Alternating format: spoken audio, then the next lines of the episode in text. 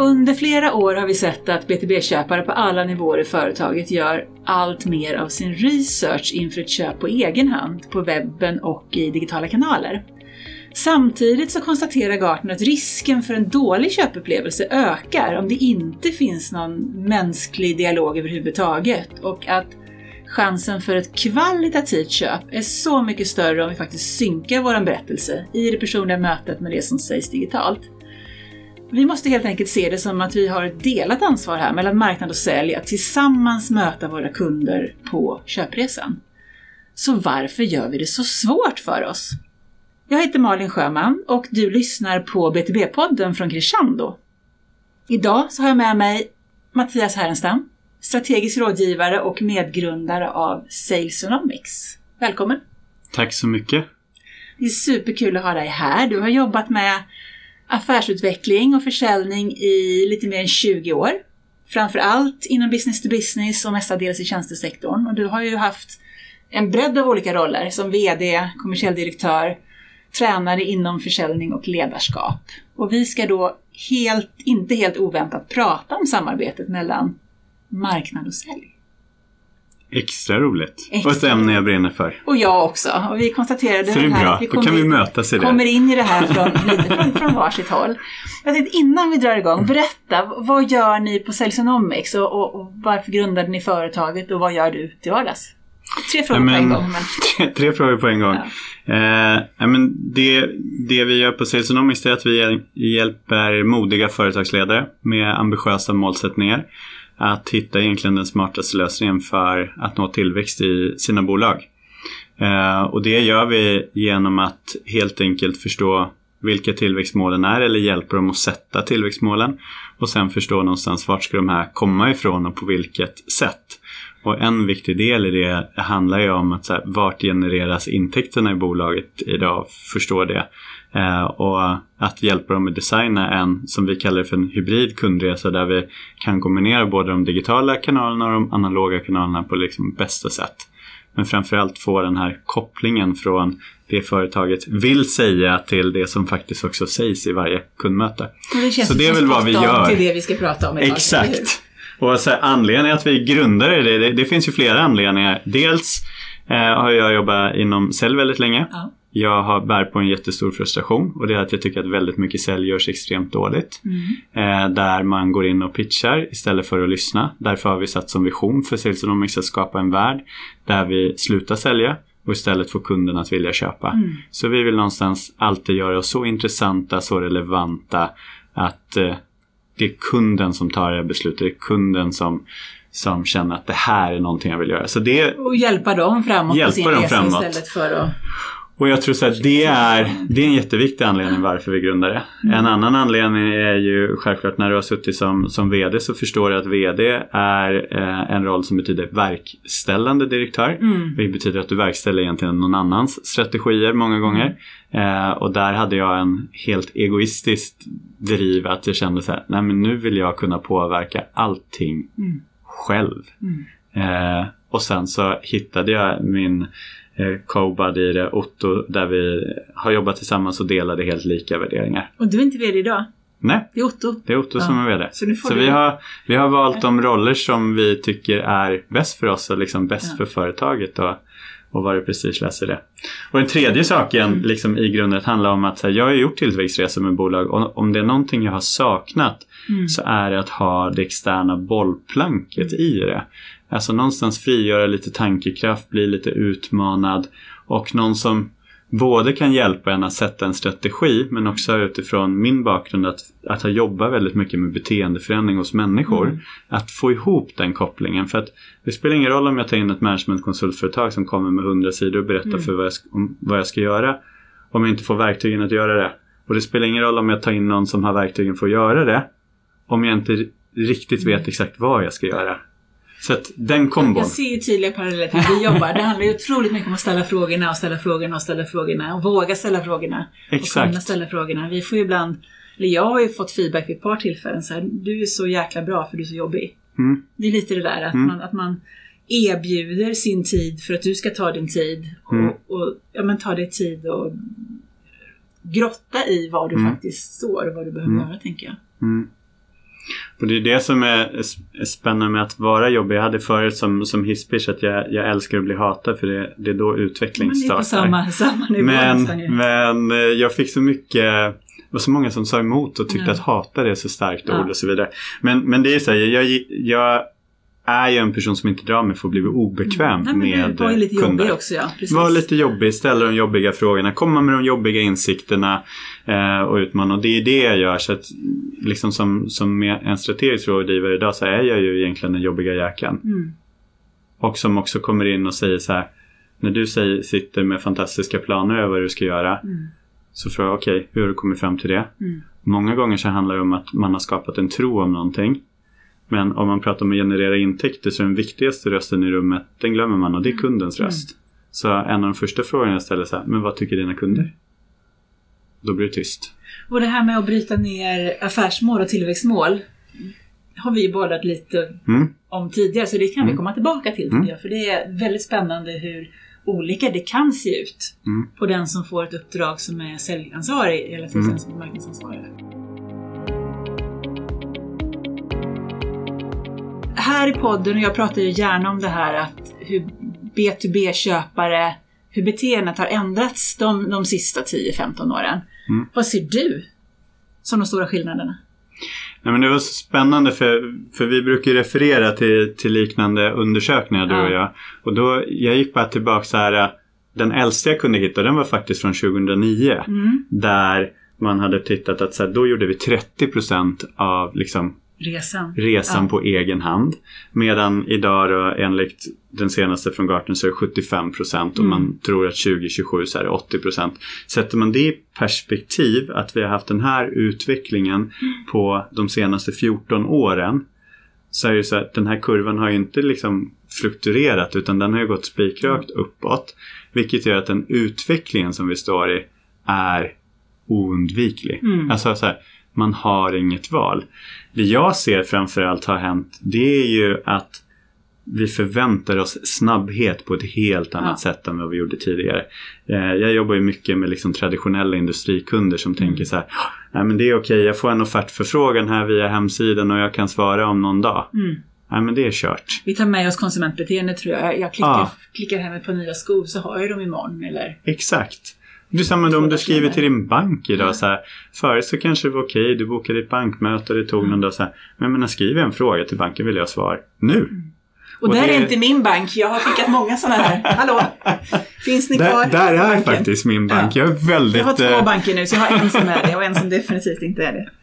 Nej, men så, så jag tror, jag tror ja. den största förändringen är det du säger att vi har tagit ett konsumentbeteende in till business to business. Ja. Och jag skulle säga att det här som vi har pratat om förut att det kanske har varit väldigt stor skillnad mellan kanalerna. Mm. Men den har ju försvunnit mer och mer mm. tack vare också den tekniska utvecklingen. Sen tittar man, jag, jag blev jätteimponerad nu med mina linser. Då fick ja. jag så här, Mattias nu är det dags att beställa nya linser. Mm. Och så kollade jag i skåpet, ja jag hade typ så här sju linser kvar mm. eller åtta linser kvar och sånt där. Då blev jag väldigt imponerad. Mm. Så gick jag bara in så här, vill du repetera din senaste beställning? Mm. Puff, klart. Och sen fick jag fråga sig om jag ville starta abonnemang och sånt ja. också. Men där ville jag ha kontrollen själv. Jag gjorde samma resa och dessutom så kom det ett sms dagen efter. Nu står de utanför din dörr. Ja. Och det är så ju det, galet. Ja. Och det är klart att så här, det är klart att det höjer förväntningarna mm. inom business to business. Och har man inte har man inte fattat det så är det dags att vakna till. Så, så, så när man vaknar till, hur, hur påverkar det oss som å ena sidan marknadsförare och å andra sidan säljare. Vad, vad är det vi måste göra när vi vaknar upp? Skulle du säga? Nej, men om, man, om man börjar från, från säljperspektivet så uh, dels så måste man bara vakna upp att få en förståelse för att det är inte du som sitter i förarsätet. Nej. Det är dina kunder som sitter i förarsätet. Eh, du tänker, du blir indoktrinerad som säljare. Det är du som bestämmer vilken kund du oftast ska ringa, mm. kontakta och så vidare. Och du tänker att det är jag som leder det här. Mm. Men det är inte. Du kan ha jättetur ibland, komma fram till en kund och det är perfekt timing. Eh, och de kanske har snappat upp ditt namn någonstans. Men så här, där behöver vi börja tänka på ett helt annat sätt. Mm. Vi behöver bli relevant för de kunder vi vill och vi behöver bli relevanta under längre tid mm. och vi behöver oftast utbilda dem innan vi ens pratar med dem. Och där tror jag att man behöver få till det tankesättet mm. och inse att jag behöver prata på ett annat sätt. Och vi har ju fantastiskt idag för säljare med LinkedIn. För mm. där behöver en säljare mm. börja tänka som en marknadsförare. Så någonstans har den plattformen gjort att här börjar man åtminstone riktigt, mötas. Ja. Och det blir väldigt så här, konkret. Det är därför jag tror LinkedIn också har slagit på många sätt. Mm. För att det blir någonting konkret. Ett verktyg, en plattform. Det, ja. det finns verkliga kunder. Alla är där. Där kan vi mötas. Jag brukar ju säga att det är ju inte... det finns ju de som tvekar och det är lite läskigt att börja på LinkedIn. Men det är egentligen inte så otroligt annorlunda än du står på en mässa. Nej. Eller ute på en stor konferens. Du är van att gå fram.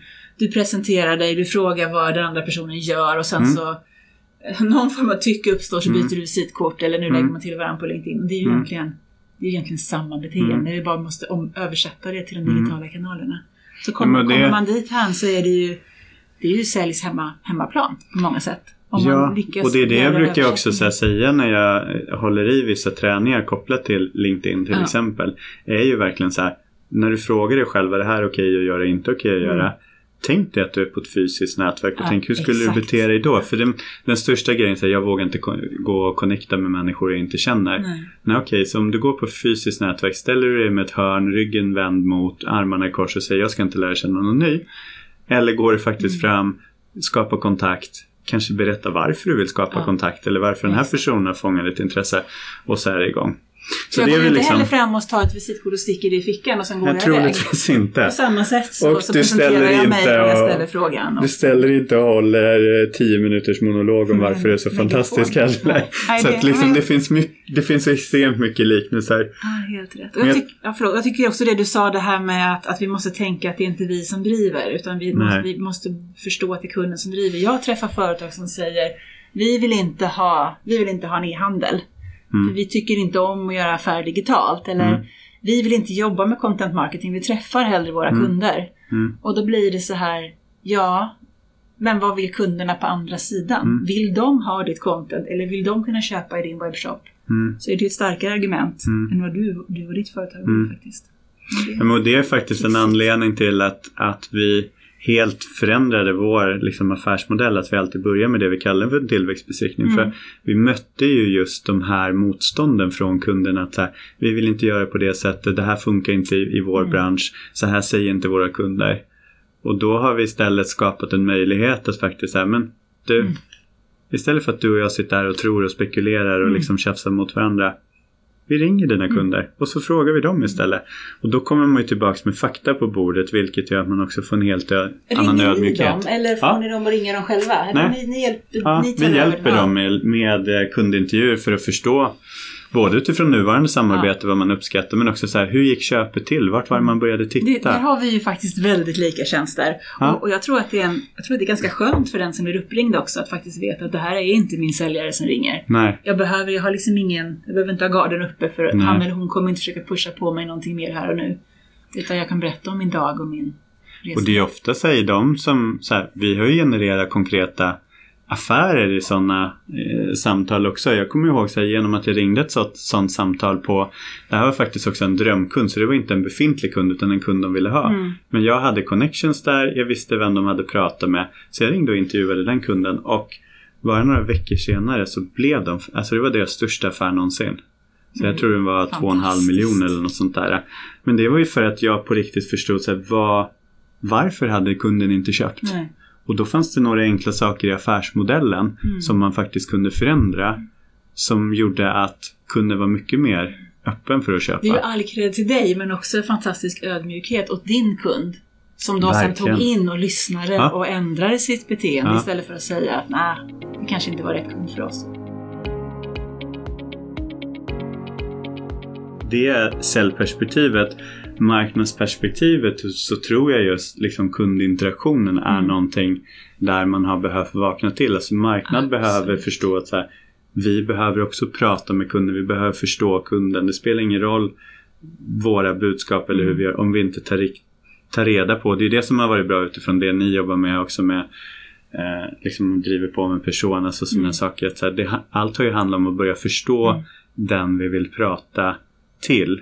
Och det är väl där någonstans jag tänker att här, båda världarna möts. Ja, och jag kan uppleva många gånger när vi håller, när vi antingen ska förbereda de här djupintervjuerna med kundens kund eller vi ska liksom presentera vad vi har fångat upp så får vi väldigt bra respons från säljorganisationerna när de Mm. förstår att det är faktiskt, vi gör det här för att vi ska förstå de du försöker sälja till och då måste vi förstå för annars kommer vi göra ett dåligt jobb. Mm. Att det blir väldigt tydligt att man pratar om, om kunden. Vi ska inte prata om nu ska vi skapa en ny kampanj på marknaden Nej. för då är du inne i marknadssnacket. Vad brukar du själv uppleva är största aha-upplevelserna när ni kommer tillbaka och berättar för säljorganisationen vad, Nej, men det, är vad ni fått just, reda på? det är ju just det här. Jag upplever att vi får till väldigt bra samtal med kundens Mm. kund. Just antagligen för att garden är nere och jag ska inte säga att vi spelar naiva men, men man kan liksom man kan backa. Man kan, vi kan ställa frågor som våra kunder inte vill ställa till sina kunder. Nej. För man känner att det här borde jag egentligen redan Mm. ha koll på. Eh, men just att vi får fram så mycket öppenhjärtiga svar. Mm. Det här att det är ganska många som säger ja visst du kan få 20 minuter av min tid. Mm. Och så pratar man 45 minuter. Mm. Hur gärna människor faktiskt vill berätta och vill förklara sina problem, och sina utmaningar och sina möjligheter. Det, men det är något sånt gammalt talesätt. Tala, Mm. tala med en man om honom själv Mm. och han ska lyssna i evigheter eller något sånt där. Mm. Och det gäller, ju, det gäller ju både män och kvinnor. Men just det här Mm. hur mycket man faktiskt har att hämta Mm. genom att ställa öppna frågor till sina kunder. Det tycker jag är den största aha-upplevelsen. Må- Många då av våra kunder som har, men sa han det? Eller fick ni veta det? Eller. Ja, Men jag tänker framförallt det, det jag märker är ju också hur deras relation verkligen förstärks genom en sån här sak. Ja. För det blir ju så här, wow, ni har alltså nyttjat en extern part Ja. som experter på ett område för att förstå hur jag vill ha det. Mm.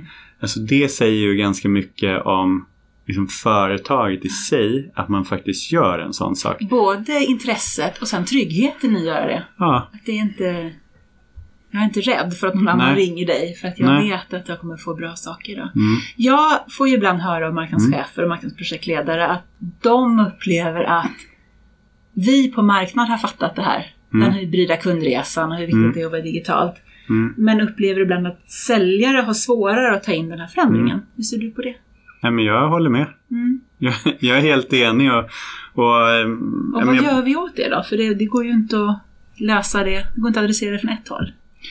Nej, alltså dels så tror jag så här, på riktigt, det finns ju olika sätt att organisera. Jag är ju någon som, som tror på att liksom få ihop sälj och marknad liksom under någon CRO och så. Mm. Det, jag tror att det kan vara vinnande. Men sen är det en sanning med modifikation för det är olika i olika företag, Mm. liksom en sån organisering. Men, men jag tror så här, på riktigt så behöver vi säkerställa att mandaten från en säljchef och en marknadschef är lika Mm. Viktiga och Mm. tunga.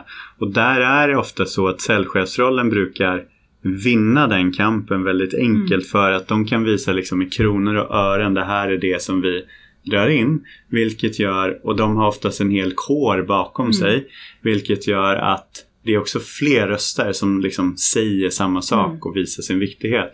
Medan tittar man på marknad, det här beror ju helt klart på liksom Ja, nej, men det är ju inte företagsstorlek. ovanligt att du har tio säljare och två marknadsförare. Exakt. Så och mens det. eh. Ibland kan det vara en, en ensam liksom marknadsförare och, och jag tror så här, där finns det en, en utmaning. Mm.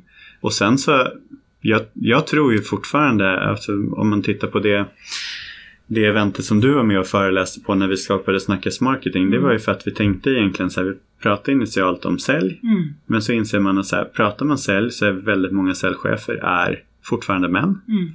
Eh, och då tänkte vi så här, hur kan vi få till fler perspektiv? Och kollar man på marknadschefer så är det betydligt fler kvinnor. Vilket gjorde att av föreläsarna så var ni ju 6 av 10 som var kvinnor. Det var så ja. Och de som var på eventet var 50-50.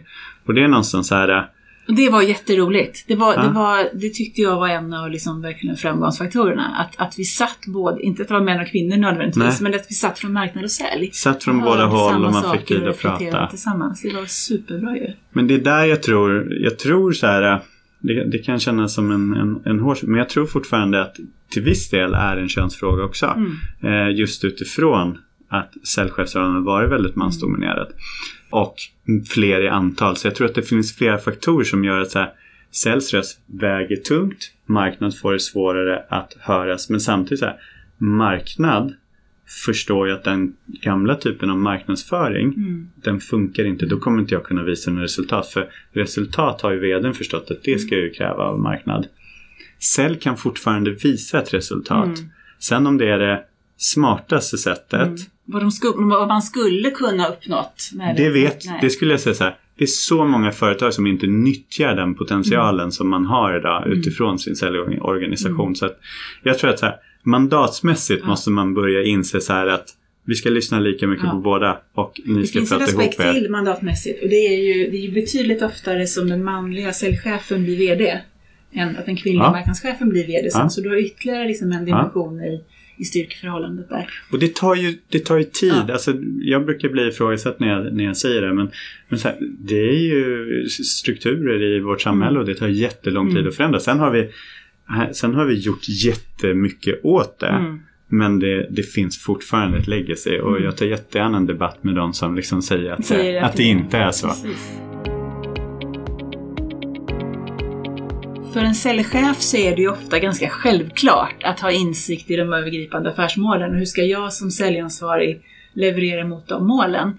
Men jag träffar fortfarande marknadschefer som inte upplever sig ha en tydlig bild av vad affärsstrategin är och vart man är på väg. Mm. Och det är ju skitsvårt att göra bra marknadsföring om man inte vet vart man är på väg. Och jag tror det är för att marknad inte alltid blir inkluderad i den Nej. typen av samtal på rätt sätt. Utan man, man tänker mer så här, marknad det är någonting det är någonting annat. Ja. Alltså det är inte någonting som direkt ska bidra till om det är det här tillväxtmålet till exempel.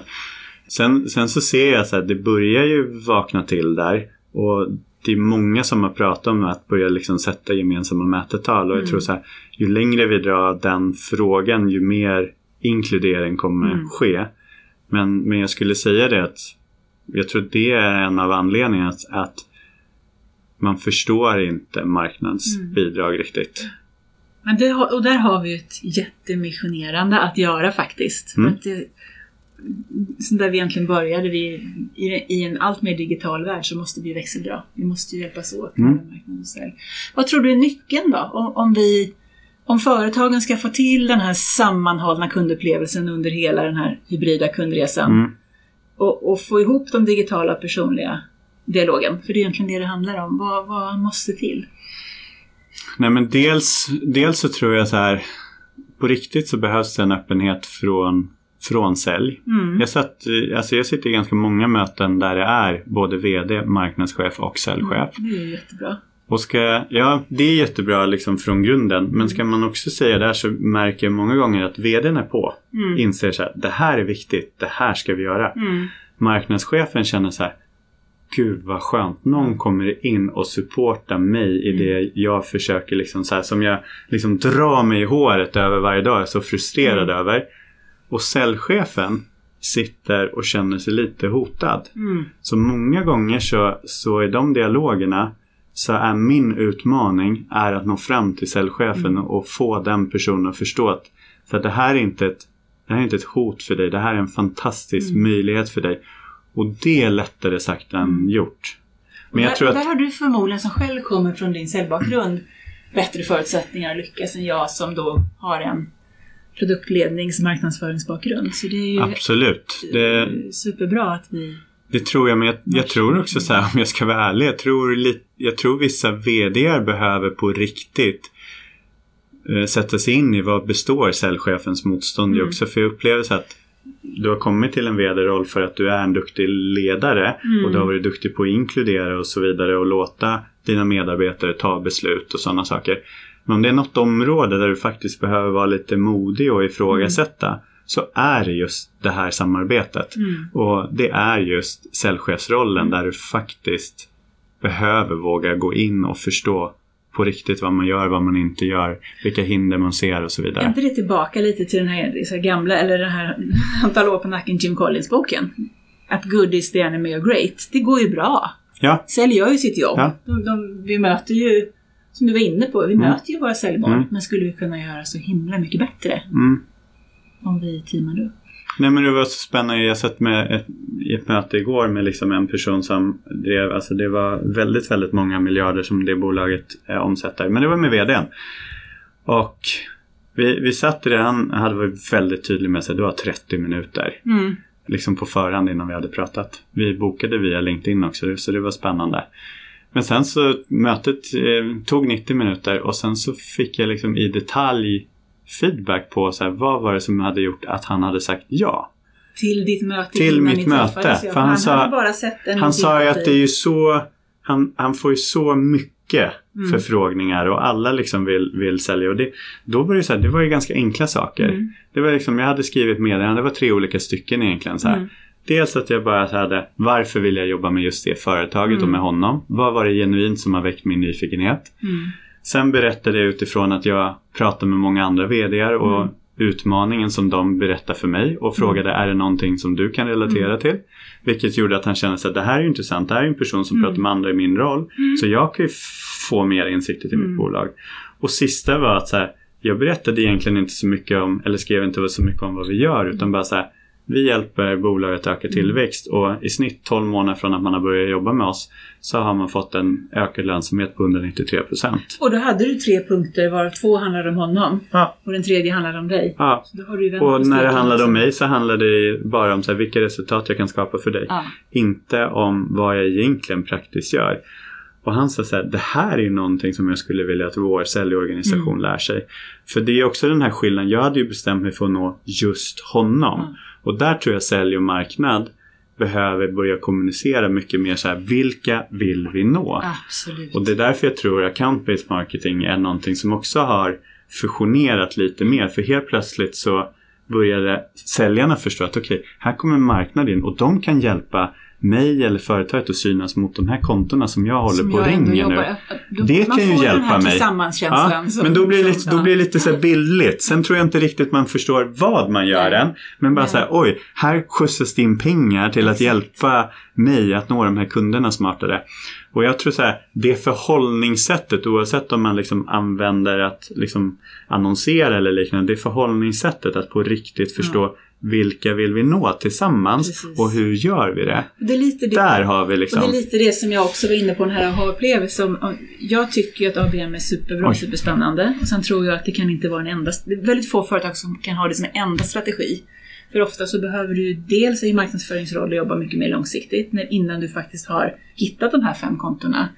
Eh, Och dels så är det många som jobbar med en bredare marknad än man kan säga fem. Så jag tror att ABM är en, en jätteviktig komponent av flera. Men lite den här parallellen när vi då presenterar de här kundintervjuerna eller när vi jobbar med Mm. personas internt. Jag vet inte hur många gånger jag har haft en affärsområdeschef eller en VD i ett mindre bolag, eller en säljchef som kommer in halvt motvilligt, släntrar in två minuter för sent, sätter sig längst bak i rummet, plockar upp mobiltelefonen och inte ens smygsurfar utan uppenbart smurfa, surfar, surfar på telefonen medan mötet börjar. Mm. Och sen när hen då inser att vi faktiskt pratar om verkliga kunder och kundbeteenden så stoppas telefonen ner i fickan och så Mm. slutar det med att personen nästan rycker whiteboardpennan och står och ritar på tavlan. Mm. Och det, det kan man ju komma till ännu snabbare tror jag med ABM Mm. om man pratar konkreta kunder. Så jag tror det är jätteviktigt. Vi måste ju anpassa hur vi Mm. väljer att ta dialogen med sälj. Mm. Det gör den relevant. Men det är bara att säga en liksom klassisk sak från sälj. Vi jobbar ju väldigt mycket med att hjälpa företag att göra en tydlig kategorisering av sina Mm. kunder. Vart, vart ser vi? Och då pratar jag inte om det här ABC utifrån så här, de här omsätter X miljoner, de här Mm. X miljoner. Utan snarare att verkligen titta på lönsamheten på kunden, nöjdheten på kunden men också potentialen och se vart är det vår säljkår faktiskt kan jobba med att utveckla våra kunder och vart är vi kanske faktiskt bara ska jobba med att behålla våra kunder. Och bara tittar man på ett sånt som man tänker så här, det är väldigt enkelt. 95 procent Mm. av de organisationer jag har jobbat med har inte en sån kategorisering Mm. på plats. Utan man har säljare som springer all over Mm. the place.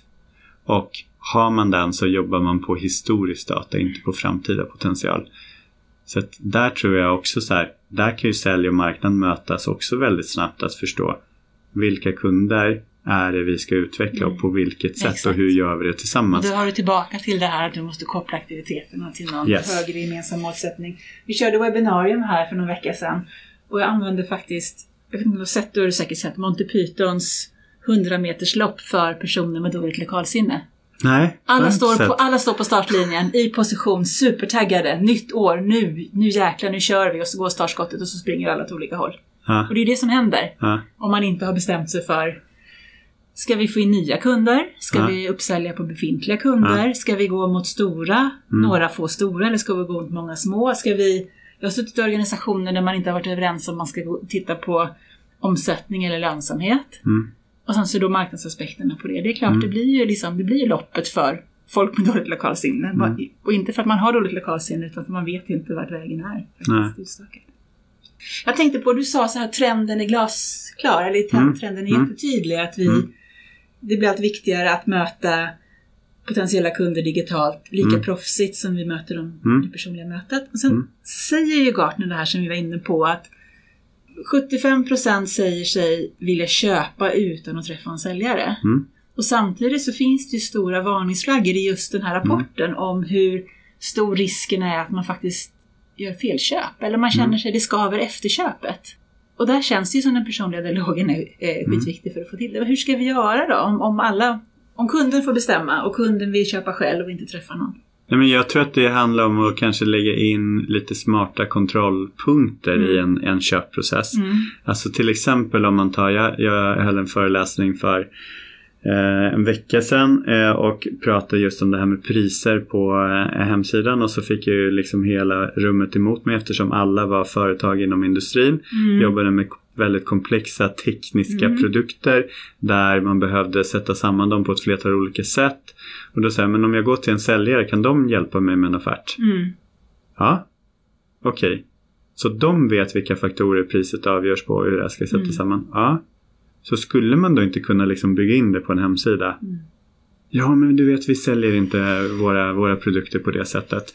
Och det tror jag här, det är, en, det är en sak som man faktiskt på riktigt behöver ifrågasätta. Är det rimligt eller inte? Mm. Och, och det behöver inte vara att hundra att man behöver ha det exakta priset. Mm. Utan jag sa till en kund som jobbade med väldigt komplexa saker. Att så här, men ge mig något referensprojekt då. Mm. Så här, bara så att jag får en, en estimering som kund. Vad Mm. ligger det här på? När jag gör min research. För annars kanske ni försvinner som alternativ Mm. där och då. För att jag får någon uppfattning av er som inte är bra. Jo, för det är mer komplexa affärer. Det kan ju handla om å ena sidan 100 000 och andra sidan 10 miljoner. Och det Ja. kanske är mer att Och jag behöver det 10 någonstans förstå. 100 jag ska tänka Exakt. Hur, hur görs det här estimatet? Hur görs den här framräkningen? Det vill jag som kund förstå på egen hand. Eh, det är en jätte, jätteviktig sak liksom, först. Där behöver vi liksom tänka om. Så egentligen allt jag vill ta reda på ska jag kunna ta reda på. Men sen handlar det om själva köpet i sig.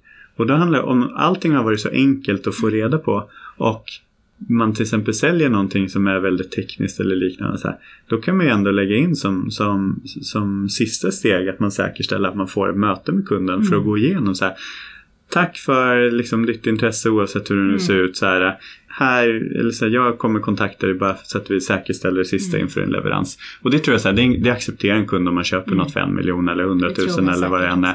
Ja. Så jag tror det mer handlar om så här, hitta de där äh, sakerna i ens köpprocess där man faktiskt kan lägga in och Ja, men den här konkreta Göra kvalitetssäkringen. är utifrån, som Ja. kund, det är utifrån mig som köpare vi träffas. Och, Ja. jag har i princip redan köpt. Ja. Nej, men jag jobbar med, med ett, liksom en stor grossist inom industrin och bara sen när de får, de har gjort det här flödet väldigt enkelt. Mm. Men när de får en beställning så liksom hela beställningen är accepterad. Och sen så ringer en av personerna och bara säger, och bara säger Du Malin, tack så hemskt mycket för jag såg att du la din order här. Mm. Jag ska lägga den nu för leverans så att den skickas och du kommer få den imorgon. eller Men jag ville bara säga, göra en extra koll. För jag tänkte så här, jag såg på när jag köpt tidigare det här. Mm. Eh, Så jag ville bara kolla så här. Så att ni, ni tänker Mm. rätt utifrån det valet ni har gjort nu. Och sen kan det också vara så som de är jätteskickliga på. Så här, nu ser jag att du under en månad har beställt det här varje vecka. Mm. Vet du om du skulle lägga ihop hela den här beställningen. Mm. Dels så skulle du kunna få ner priset lite. Men framförallt kommer du minska dina fraktkostnader Mm. enormt mycket. Och det kommer också spara in på miljön. Mm. Så vad skulle hända om vi faktiskt la en order istället? Så att jag tror så här, hittar man Det de här tror jag. smarta grejerna så kan man jobba med att förändra också kundbeteenden och uppmärksamma det. För jag tror att även om vi på ett rationellt plan vill vara så rationella och göra hela köpresan så finns fortfarande det här med man ska kalla det för buyers remorse eller att vi ångrar våra val. Och jag tror att Ja. det bästa sättet att komma runt i det är ju en personlig dialog. Ja. För vi är ändå människor någonstans Ja. i den här supereffektiva vardagen. Men där måste vi också definiera så här, vad är det för typ av köp. Vi har säkert produkter som är mer standardiserade. Mm. Men där kanske vi inte behöver det. Men Mm. har vi liksom produkter där det är komplext och det kan bli fel. Ja men där behöver vi. Så vi behöver också verkligen så fråga Ja. oss själva. När behöver vi det? När behöver vi det inte? Jag tror det handlar väldigt mycket om att jobba med portföljen också. Eller Mm. lägga, jag brukar säga att vi lägger pro- produkten i två hinkar. Mm. Det här är toalettpapper, kopieringspapper, nya spännband till Ja. våra maskiner. Ja. Och här är det nyinvesteringar eller Ja. förändringar eller helt enkelt nyköp av någonting som är lite mer komplext. Då. Vi ska sy ihop lite, men Mm. en fråga som jag har ställt till några av våra senaste gäster här, det är lågkonjunktur, eller vi är på väg in i en lågkonjunktur, eller vi är mitt Mm. i den beroende på Mm. vem du lyssnar på. Så är det många som upplever att marknadsföringsbudgeten är det första som får stryka på foten. Mm. Och det är kanske inte, jag tycker personligen inte att det är det smartaste att försöka liksom kväva sig ur en lågkonjunktur. Så hur tänker du och vad är dina Mm. råd till marknadsförare som faktiskt vill behålla sin budget? Nej, men dels, man kan ju inte bromsa sig ur en, en uppförsbacke. Mm. Sen skulle jag så här, våga ta en dialog på en vd-nivå över så här, vart fördelar man resurser. Mm. För om jag tittar på, om vi tar sälj som ett exempel så finns ju väldigt många säljorganisationer som har ett flertal säljare som inte presterar. Mm. Men det göms ju någonstans i en stor lönebudget eller lönekostnad. Så att det är sällan så att Mm. Ja, så man länge tänker på att organisationen som helhet presterar bra så, så, så är det okej. andra, ja. Så att liksom att den här individen just nu kostar oss 60-70 tusen i månaden med Mm. sociala avgifter och sånt där. Det tänker man inte Nej. på. Så att jag skulle så här, våga lyfta verkligen ur ett vd-perspektiv och säga så här, Mm. nyttjar ni resurs, nyttjar vi beroende på perspektivet Ja, nu så här, om, om jag är marknadschef, så här, Ja. nyttjar vi våra resurser på rätt sätt? Mm. Har vi de som faktiskt är ute och träffar våra kunder, presterar de på den nivån Mm. vi, vi önskar? Det är så här ett vänligt ifrågasättande Mm. vi skulle eh, göra. Men sen också just med utifrån så att det går inte att bromsa oss ur en uppförsbacke. Att faktiskt så här, det handlar om att verkligen göra de smartaste valen Mm. i sin marknadsföring nu. Och vad är det viktigaste syftet med ens, med ens marknadsföring? Det behöver vi göra. Sen behöver Och vi då är också... tillbaka till det vi pratade om innan, att- att man faktiskt har samma målbild och samma Yes. målgrupp och samma konton som man ska gå mot. Då är ju... Och jag har ju sett marknadsföring som genererar mycket bättre resultat än, än liksom vad säljare gör. Så att jag tror så här, vi, måste, vi måste ha alla korten på bordet över liksom de totala pengarna vi har. Mm. Hur fördelar vi dem? Och ibland kanske det är smartare att vi anställer en till marknadsförare än en till säljare. Vi det har ju vi också faktiskt balansera. en kund som nu har gjort en fantastisk tillväxtresa de sista åren som kom till oss för att de ursprungligen hade satt upp sina tre av sina säljare som var lågpresterande och fått höra då att man ska göra inbound marketing istället, kan ni Mm. hjälpa oss? Snyggt. Det har ju gått bra. Det, har ju, det är ju modigt. Det är, mo- det är en modig, modig VD. Det är verkligen en modig VD. Och, och jag inte tror... att man ska gå ut och sparka säljare hej vilt, men som du säger. Nej, men man behöver ifrågasätta resurser. precis som med marknadsföring också. Så här, jag menar, ibland så här, eh, eh, har du, häller du liksom pengar i marknadsföring som inte ger dig någonting. Ja, men då kanske det är bättre att du investerar mer i sälj för att du behöver någon som Mm. träffar kunden. Alltså, det, det är ju det här man måste titta på som blir unikt för Mm, varje så. bolag. Men man måste vara modig att ställa frågan Mm. överlag. Och sen behöver man också vara modig i att våga välja saker man tror på. För om det är någonting som blir med marknadsföringen nu så man pratar mycket performance marketing och all marknadsföring man ska kunna mäta och räkna på det och så Mm. vidare. Men det finns så extremt mycket marknadsföring som är så svår Mm. att mäta. Alltså det är bara att du och jag sitter och pratar nu. Mm. Någon av våra potentiella kunder kanske hör oss Mm. här. Mm. Den kunden går in på någon av våra hemsidor, börjar göra lite research, Mm. börjar bli lite nyfiken. Kanske kolla runt i sitt nätverk. Så här, Känner du till de här? Har du jobbat med de här? Och sen någon gång snart så kanske den går in och tar en guide på hemsidan. Mm. Och sen någon gång snart så kanske den eh, svarar på ett meddelande som någon av mina medarbetare skriver på LinkedIn. Så här, Nej. vart börjar det? Det Ja, vet jag ju inte. jag och där behöver vi... en- for mätbarhet och, och så vidare. Men man kan inte ta den här attribueringen hur långt som helst som du säger. Nej, man behöver personen- våga också bestämma vägar vi tror på. Är det någonstans så här, vi tror på den här mässan. Ja, Ja. men gå all Och in gör och det all gör in, det 110 procent. Mm. Och skit i mätbarheten av den aktiviteten. Se bara till så att, att utvärdera efteråt. Träffade vi de vi mm. ville där? Vad verkade det vara relevant? Alltså någonstans Jag hade så. också ett jätteintressant, jättebra samtal med Annika Svensson på Symmetri i det här rummet för mm. inte så länge sedan. Också just det här att man inte bara rycks med och man måste inte göra allt. Nej. Man måste inte vara på alla sociala kanaler, man måste inte testa alla nya plattformar och alla nya verktyg. Mm. För har man den tryggheten i att man vet vad man brinner för, mm. om det är en mässa, eller om mm. det är en ABM-strategi, eller om mm. det är en inbound content-strategi, mm. så gör, gör det man tror på och gör det så jäkla bäst man kan. Ja. Och sen får man väl känna efter om det blir fel, så får man väl ja. byta inriktning. Men att man inte duttlar så jäkla mycket, tycker jag. Nej, men jag tror, jag tror någonstans här att man behöver alltså våga välja det man, det man tror på också. Mm. Eh, I kombination självklart med att alltså, någon gång ska man ju se resultat men mm. vissa resultat kommer dröja. Så att vi behöver vara lite balanserade. Det blir en form av risktagande. Det kommer det alltid vara. Det är det när vi anställer en ny medarbetare också. Mm. Och vi vet om sex månader om det funkar eller mm. inte. Vi behöver tänka på samma sätt om vår marknadsföring också. Och när du går in i en säljprocess. Har du de här avancerade systemlösningarna du pratade om. Det är ju ingen som förväntar sig att säljaren tar mötet idag och har affären imorgon. För vi Nej. vet att det tar 3, 6, 9, 12, ja. 18 månader. Ja. Och vissa saker men på marknaden vill du ofta se resultaten. Direkt på en gång. Puff. Jag tänkte mm. avslutningsvis, mm. dina tre bästa råd, du har gett jättemånga råd, men som du kan summera ner till tre bästa råd till tjänstesäljande B2B-företag som, som vill bli bättre på det här och få ihop marknad och sälj och få ihop kundresan och kunna följa kunden på den hybrida resan. Det absolut första det är att definiera vad är era tillväxtmål. Det är liksom det första och när jag säger tillväxtmål så handlar det också om att förstå vart ska tillväxten komma ifrån och faktiskt engagera hela ledningsgruppen i den frågan. Det är liksom nummer ett, för det gör att vi börjar få en samsyn. Och då kommer vi in på det du sa tidigare, så här, kommer tillväxten genom att vi faktiskt redan har den i befintliga kunder? Det är ju mm. ett arbetssätt. Mm. Kommer det genom att när vi måste ha nya kunder? Det är ett annat arbetssätt.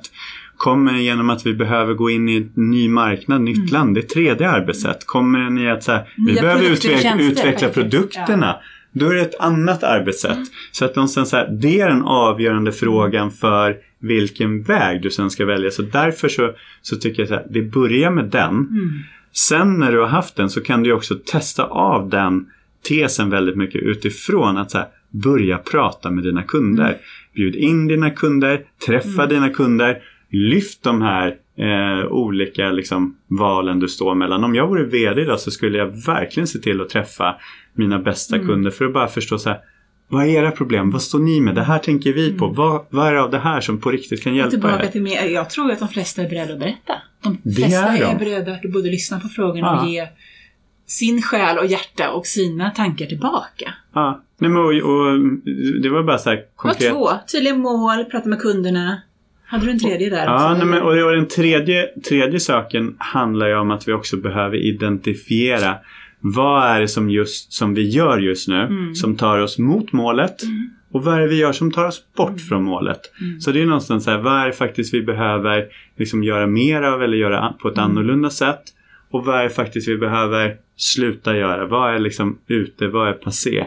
Det finns dörrar vi behöver stänga för att kunna öppna nya dörrar. Så vad tar oss mot det? Vad tar oss ifrån det? Superbra!